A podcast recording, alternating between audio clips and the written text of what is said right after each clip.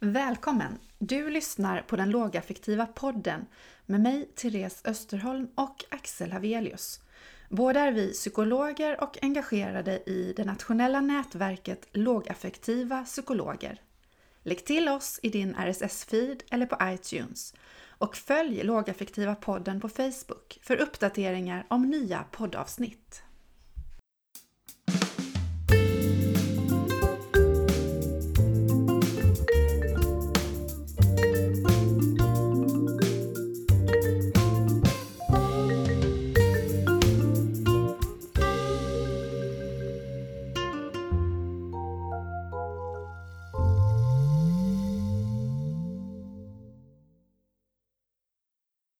Okej.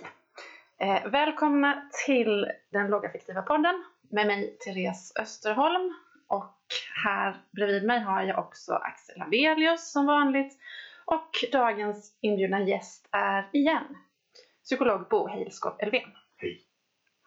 Eh, och vad ska vi prata om idag Axel? Vi kommer att prata om, eh, surprise surprise, lågaktivt bemötande. Mhm. Eh, och i och med att det har blivit en mer vanligt förekommande metod Eh, och där vi använder i allt mer och mer verksamheter har det också, tycker jag åtminstone, blivit tydligt att det har missuppfattats på många olika sätt. Eh, och folk ger ibland en bild av vad lågaktivt bemötande är som kanske många av oss inte delar. Eh, och det kan vara ibland att den förenklas, förvanskas eller till och med försvinner delar av det lågaktiva bemötandet. Där, och vi presenteras en helt annan teori men refererar till lågaktivt bemötande. Eh, detta kan ju ibland vara skadligt eh, när man arbetar med fasthållningar och samtidigt som man säger sig att man arbetar lågaktivt bemötande. Mm. Så då kan det ju till och med bli så att man använder som ett alibi skulle det Mhm. kunna vara, vilket jag tycker ibland man stöter på. Eh, och jag tycker också det ibland verkar vara också bland andra människor och kollegor kanske eller annat. Det blir en del missförstånd kring lågaktivt bemötande och vad lågaktivt bemötande, vad de tycker av det, att, att det säger sig vilja vara och eh, ja men just, just angående de här eh, missförstånden i alla fall som vi har fått till exempel från kollegor. Så att vi tänker att det Mm. skulle vara bra i ett, eh, i ett avsnitt att bemöta dem och se åtminstone vad, vad Bo har att säga om dem. Om du, Mm. om du tycker att eh, det här är någonting som har förekommit. Mm. Lite reflektioner och Lite kommentarer reflektioner, ja. och sådär. Mm. Eh, om vi tar det första missförståndet eh, som vi har stött på. Eh, då är det det här med eh, känslokylan. Det vill säga att lågaffektivt bemötande skulle vara att man eh, antingen då liksom bara är lugn. När man har en lugn röst så är man lågaffektiv. Eh, att man eh, ibland kanske heller inte visar några känslor överlag. Eh, att man liksom ska ignorera att eh, känna. Eh, att man kanske nästan ska vara lite, lite låg i sin känsla. Lågaffektiv. Eh, som det kanske skulle kunna bli ett missförstånd kring. Vad tänker du om det? Jo, alltså, jo, det finns absolut den, alltså när man, när man bara hör begreppet och sen hör man lite grann och så någon säger att vi ska dämpa känslouttryck Ja. och sen gör man det. Eh, och det. Och det blir liksom inte riktigt bra såklart för det blir ju oftast någonstans att man ignorerar den personen det handlar om eller i alla fall ignorerar personens samspel. Mm. Och det är ju inte så att vi inte ska samspela. Mm. Så det handlar ju om hur går du in i samspelet på, på, utifrån den kunskap vi har om hur vi funkar i samspel mellan människor. Det, det är det som egentligen är det lågaffektivets kärna kan man säga om man ska säga det på det viset. Eh, Och där kan jag tycka att den här känslokylan som vi Mm. ofta ser, det, det blir ju det blir ganska dåliga verksamhet. Så det, Mm. men, och det bygger väl egentligen på att man har egentligen inte alltså, en, särskild känsla för den person man jobbar med. Man blir lite för, Mm. jag ska säga det, för instrumentell. Mm. Ja, Jag har ju från, från början här, jag pratat mycket om att, att vi pratar metod. Och där var det vissa pedagoger som sa att vi ska väl snacka relation istället för metod. Men jag brukar säga nej, för vi gör något. Mm. Men, men det betyder inte att vi bör lägga bort relationen. Alltså det, det är fortfarande samspel mellan människor vi sysslar med. Mm. Och där måste vi ha lite verktyg för att få det att funka. Men det är inte att lägga ner känslan av Mm. börja strunta i folk och strunta i deras känslor. Det är, vi måste fortfarande möta människan rakt av. Mm. Kan det här liksom missförståndet komma ur själva ordet lågaffektiv? För jag tänker det är lite svår, eh, svårt att översätta till ett vanligt språk som vi pratar. Ja, alltså det, det, det kan det absolut, men jag tänker det, för att det kan ju också hänga på att den personen som tänker på det viset Mm. har en, en, i, i, i grunden en annan grundsyn. Och därför tar man till sig något i det här tänket som, Mm. som på något vis passar in i den grundsynen. Mm. Om grundsynen är att jag jobbar för att påverka folks beteende så att de ändrar sig, då kan man köpa detta rakt av och säga att det är ungefär som utsläckning i en annan teori. Och då, ja, det vi gör. Och då har vi förstått detta. Nej, det har du inte förstått detta. För du Mm. har bara förstått en liten hundradels av metoden som du sen har lagt in i det du redan sysslar med. Och det blir inte bra. Mm. Så det är därför jag tycker det är viktigt att man förstår varför vi gör saker. Det är förhållningssättet är, är 50 procent och själva bemötandet är 50 procent. Mm. Eh, lite närliggande är missförstånd nummer två som vi kallar tassandet. Mm. Det vill säga att eh, om man jobbar lågaffektivt så eh, gör man inte något, man kanske inte ställer krav överhuvudtaget. Det här är att låta den andra bestämma. Eh, man kan få höra att man skulle vara konflikträdd, rädd att ta tag i saker och ting.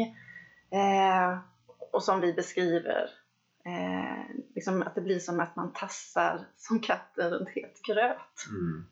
Ja, alltså, jag tycker det, det är en, något som jag tycker är grundläggande i, i det som jag kallar lågaffektiva. Mm. Det är att en tydlighet utan att vara bestämd.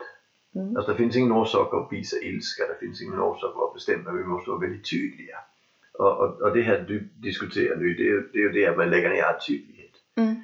Vi, vi vill inte att personen agerar ut, så därför så försöker vi hela tiden lägga, i, i, förr i världen kan vi lägga ut räls. Mm. Och, och det hör, hörde hemma på alltså, 90-talets autismtänk. Mm. Och jag tycker att vi ska inte lägga ut räls. Vi ska se till att, att, att vi är tydliga men inte dömande och inte kontrollerande och så vidare. Och jag tror inte, om vi ska lyfta det lite teoretiskt. Där pratar Wendy Goldnick, hon pratar om att, att, att hon pratar om föräldraskap. Hon säger att det är fyra faktorer. Den ena den heter kontroll kontra autonomistöd. Och den fjärde handlar om kaos och struktur. Mm. Och där säger hon att vi ska vara låg på kontroll, högt på autonomistöd. Men vi ska också vara högt på struktur. Så hur kan vi vara låg på kontroll och högt på struktur? Det låter som om att det är en motsättning.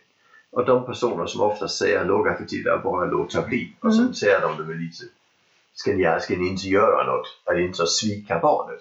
Det är de som tror att kontroll är samma sak som struktur. Men där ska man förstå att Wendy Goldnick säger att kontroll är den ena delen och den motsatsen till kontroll det är självbestämmande.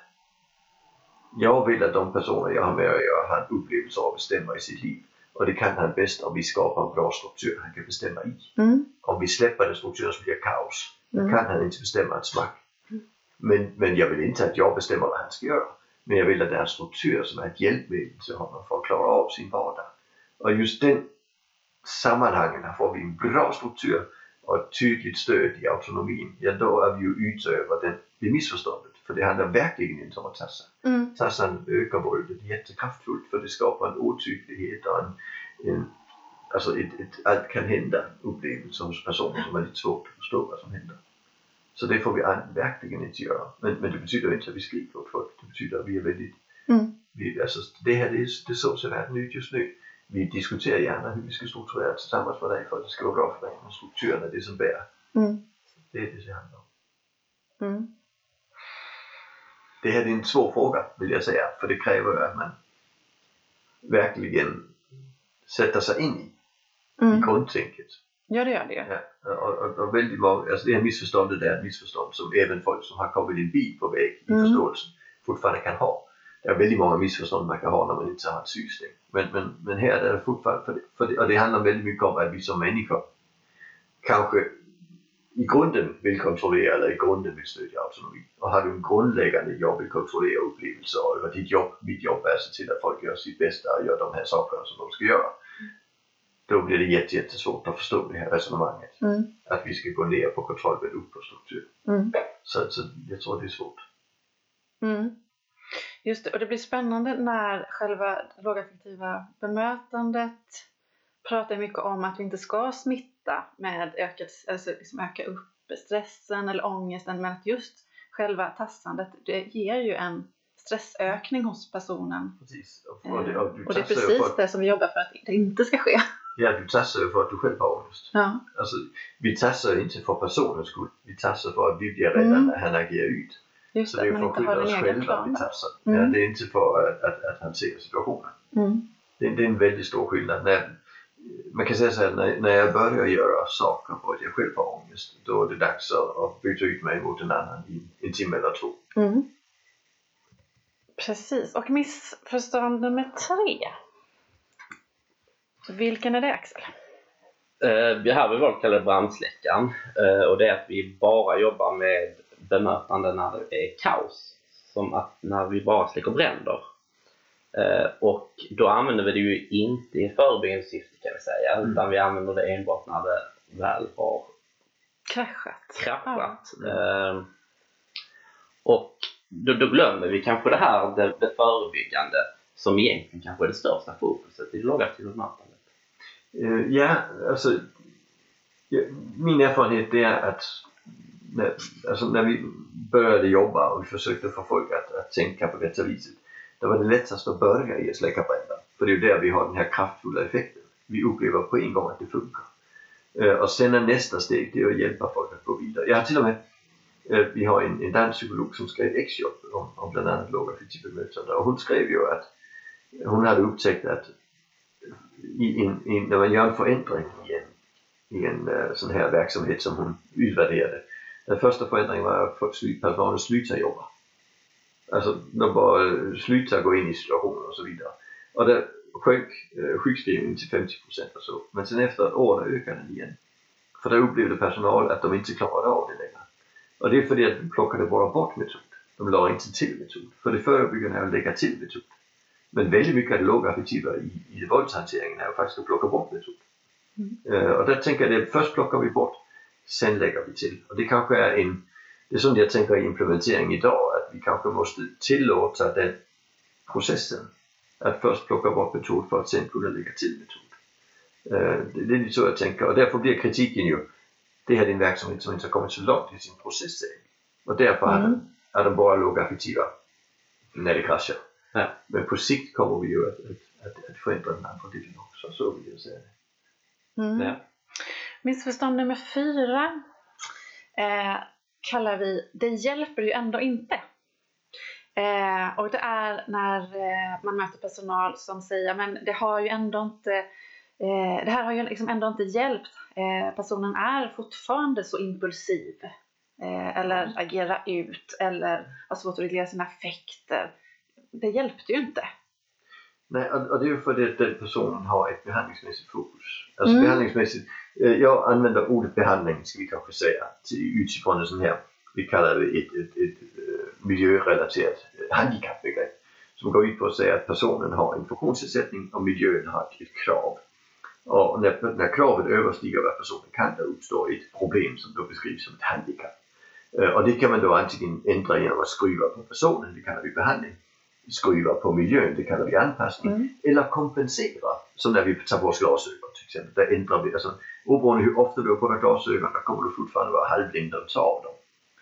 Eh, Och jag tänker att lågaffektivt bemötande ja, har två delar. Vi har dels den här vi förändrar i miljön. Jag jobbar en del med fysisk förändring i miljö, alltså hur bygger vi så det blir bra. Men även alltså vi förändrar den pedagogiska ramen och så vidare i det här vi kallar det, det, alltså det tydliggörande pedagogiken och så som ju är en, en, en, jättebra kompis till Mm. lågaffektivt bemötande. Men själva det lågaffektiva handlar inte om att kompensera. Och kompensation handlar ju alltid om att just när vi gör det funkar det och när vi slutar göra det funkar det inte. Mm. Så, så, så i grunden har vi aldrig haft som mål att göra förändringar i personen i det Mm. sättet att jobba. Eh, Och det tror jag är viktigt att säga, framförallt upplever jag att mina kollegor har lite svårt att förstå det, för det vi är tränade i att eh, hålla på med behandling och behandling och behandling. Mm. Och vi hade en, en, jag gjorde en kurs, en studie 3-kurs, alltså en fysisk kurs för ett antal psykologer i somras. Och, och först på tredje dagen var det en av dem det plötsligt gick upp en fjord för dem och sa aha! Så han ska inte utvecklas av det. Nej, det var faktiskt inte tanken. Utan vi hanterar det som är svårt för han har rätt att vara den han är.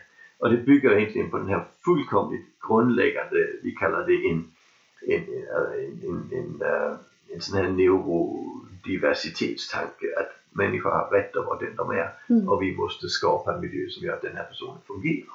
Och en del av det är en miljö där vi gör bestående förändringar och annat är att vi kompenserar när det kraschar. Mm. Och det är inte så konstigt att ge folk en rullstol eller, eller, eller, eller ge folk glasögon eller ett hörapparat Mm. tycker jag. Alltså det, det är, så, så vi, nej, vi har inte som mål att förändra. Sen är det ju så att vi upplever att folk när de trivs utvecklar sig. Men, men det är inte målet. Mm. Det, Det blir en, en biverkan, en positiv biverkan. Mm. Och vi upplever ju också att nej men, alltså vanan är en kraftfull faktor. Så har du slutat kasta med möbler för att personal har ändrat sig. Då kastar du inte heller med möblerna, det blir riktigt svårt. Mm. Men det är biverkan som sagt. Mm. Precis. Eh, jag funderar också på, skulle det kunna vara så att den här, eh, det hjälper ju ändå inte konstaterandet eller utropet dyker upp när man eh, har varit och liksom lyssnat på en föreläsning och sen så kanske man har börjat jobba lite granna och jobbar med andra metoder också samtidigt. Eh, för jag tänker hur lätt är det att jobba metodtroget efter en halvdagsföreläsning? Det kräver ju sin Mm. tid. Det kräver sin tid och det, alltså implementering är inte så lätt. Nej. Så jag brukar säga att det vi kan få folk att göra på en föreläsning det är att prova ut och Mm. få en upplevelse av att det funkar här och var. Mm. Och det är ett första steget i en, en lång utveckling. Så det kan ju absolut vara det. Eh, men, men jag tänker att egentligen, egentligen är det nog mer den här grundsynen. Mm. Alltså varför jobbar vi? Jag, jag tycker, jag, alltså min, min bakgrund är autism och LSS. Eh, till stor del i alla fall. Och, och, och där har vi ju inget, alltså, i LSS nämner inte ordet utveckling med ett enda ord. Alltså vi ska inte utveckla folk. Alltså om de vill, jättebra. Men målet är inte att utveckla. Mm. Vi har till exempel i, i Linköpings eh, kommun, där har de något som heter utvecklings, eh, inlärningsboenden för personer med, med för låg funktionsnivå. Det tycker jag är fullkomligt galet och mot lagen. För de, nej, de ska inte utvecklas. De har rätt att vara de de är. Mm. Så vi ska inte hålla på med inlärning med dem. Mm. Och där tänker jag att väldigt många psykologer är mest tränade i behandling. Men väldigt många pedagoger är också tränade i metoder utvecklade för barn. Där utvecklingsperspektivet alltid är centralt. Ja. Men när vi sen kommer in och jobbar i, i de här svåra, då är det ju inte det som är syftet. Mm. Skolans mål är också utveckling, men när det kommer till hantering måste vi göra det. Så jag går alltid tillbaka till, vi hanterar det som händer. Sen kan vi göra en utvärdering, sen kan vi göra en förändring. Så att vi kan se till att det inte händer igen. Och då kommer utvecklingen att få utrymme. Mm. Och det tror jag är viktigt, skapa utrymme för utveckling. Jag tror också det bygger lite på att vi har en tendens att tro att nästan allt som människor lär sig utvecklas i är något som har en styrning. Mm. Eh, Och, och något av det jag tycker allra mest spännande är att den största, jag tror den största inlärnings eh, uppgiften som är i ett helt människas liv, alltså den största situationen i inlärning, det är att lära sig prata. Och det gör vi allihopa fullkomligt utan formell Mm. inlärning eller träning eller undervisning. Ja, precis. tycker jag är helt fantastiskt. Men det kräver att du har ett utrymme för att göra det. Alltså annars kommer det inte att funka. Mm. Och så tänker jag det, det är det utrymmet vi ska skapa i alla sammanhang så att vi får igång de här utvecklingsprocesserna. Så att de får lite sitt eget liv, för vi ska inte styra dem, vi ska, vi ska låta människan vara människa. Mm. Eh, precis, och missförstånd 5 eh, tangerar det vi pratar om nu. Eh, det vill säga att eh, jobba lågaffektivt skulle bara fungera inom vissa verksamheter, till exempel inom LSS. Eh, någon reflektion kring det? Ja, absolut. Eh, alltså jag, jag snart säger LSS och det är därför vi har det, Mm. det missförståndet. Eh, min upplevelse är att det stämmer inte ett smack. Och något av det jag har gjort som jag känner mig lite glad att jag får vara med om och lite stolt över det är när vi har fått göra lågaffektiva kommuner. Och där jobbar vi ju från förskolan till demensboendet. Mm. Och där ser vi att det lågaffektiva är grunden. Sen lägger vi på alla andra metoder som behövs. Mm. Så det innebär att i vissa verksamheter jobbar vi med metoder, andra metoder för LSS to teach. I skolan jobbar vi med ytterligare andra metoder. I demensvården använder vi ytterligare andra metoder. Men det är liksom om att vi lägger dem uppe på den Just här det. lågaffektiva. Och det handlar just om det jag sa innan, skapa utrymme för att de andra metoderna kan funka. Och det är därför jag tycker inte att lågaffektiva metoder står i motsättning Mm. till till exempel inlärningspsykologiska metoder. Alltså först jobbar vi lågaffektivt så att folk kan få syssla med sina inlärningsmässiga metoder utan att folk kastar stolar efter dem. Ja. Det är liksom så det är. Så det är klart det funkar på tvärs av alla Mm. verksamheter. Just det. Eh, för att man jobbar lågaffektivt behöver inte utesluta att man arbetar till exempel med andra interventioner samtidigt. Nej, för det är olika Nej. mål. Ja. Alltså, om du har andra interventioner vid samma mål, då blir det Ja. jättekrångligt. Men, men jobbar, du med, alltså, jobbar du med att lära folk att borsta tänderna, det har ingenting att göra med lågaffektivt bemötande. Alltså, Mm. Så är det så länge du inte skriker åt dem att de ska borsta tänderna, för då går det emot. Precis, det ska ändå vara en, en, liksom en grundläggande människosyn där som känns Ja, eh, okej. Ja, och det är inte det vi säger, vill jag säga. Det är en grundläggande människosynen och lite metod att hänga upp den på. Mm. Eh, vi har pratat om jättemycket som egentligen redan har besvarat missförstånd nummer sex. Eh, nämligen, eh, man läser ju ingenting. Eh, och eh, då får vi höra saker som att eh, om man jobbar lågaffektivt så då tar man bort personens möjlighet att lära sig sina erfarenheter. Att man kanske skulle ta bort personens, i förlängningen då, autonomi. Ja, och, och det argumentet förstår inte jag överhuvudtaget. Alltså för det, det utgår ifrån att man har en grundläggande tanke att man lär sig av sina misstag. Ja. Och, och det vet vi ju från neuropsykologisk forskning att det gör vi inte före vi har börjat lyckas med det bästa. Så vanliga människor runt 15 års ålder lyckas med det mesta och då börjar vi lära oss av att misslyckas. Eh, barn lär sig inte smack av misslyckas, de lär sig av att lyckas. Det är i alla fall Aufenborgs forskning. Och, och det handlar om att när du van att lyckas då blir det ju inte så konstigt att misslyckas en gång till. Så, Mm. och, och, och där tror jag det är viktigt att säga också att det är viktigt att vi inte lär oss av att misslyckas när vi är barn. Mm. Eh, tänk en tvååring som trillar tre, eller en ettåring som trillar tre gånger när han ska lära sig gå. Och sen tänker nej, det är nog ingenting för mig det här med att gå. För jag lär mig av att trilla. Jag ska låta bli att gå. Mm. Eh, och, och, och det har vi inte några bra förklaringar på från inlärningspsykologin än, den, den mekanismen. Men den är ju jättegrundläggande. Och är det sen så att du har särskilda behov kommer du fortfarande att misslyckas med det mesta och kommer därför inte lära dig av att misslyckas. Så, så därför tänker jag att, att det, det, är ett argument som bygger på en grundläggande förståelse av hur människan funkar. Alltså bristande kunskap, skulle jag till och med vilja säga. Mm. Och sen förstår inte jag det med autonomi. Autonomi betyder självbestämmande och de personer som, som kommer med detta argumentet är personer som vill ta bort självbestämmande från barnet just nu. För att han sen ska kunna det när han är vuxen. Mm. Och det är ungefär som att säga att man lär sig att bli självständig genom att lyda. Nej, det gör man inte. Men, men man lär sig att lyda genom att lyda. Man lär sig att bli bestämd över genom att bli bestämd över. Så därför gäller det för oss att, att hitta det här självbestämmandet i vardagen och träna människor i självbestämmande i vardagen. Det är det som skapar autonomi på sikt. Och det kräver att vi inte står och bråkar med varandra och kastar med möbler. jag. Tack så mycket för idag Bo. Eh, och vi tar med oss detta. Eh, Det varit intressant att eh, reflektera lite kring vad, olika missförstånd och annat som uppstår med det lågaktiva bemötandet. Mm. Tack för idag. Tack så mycket.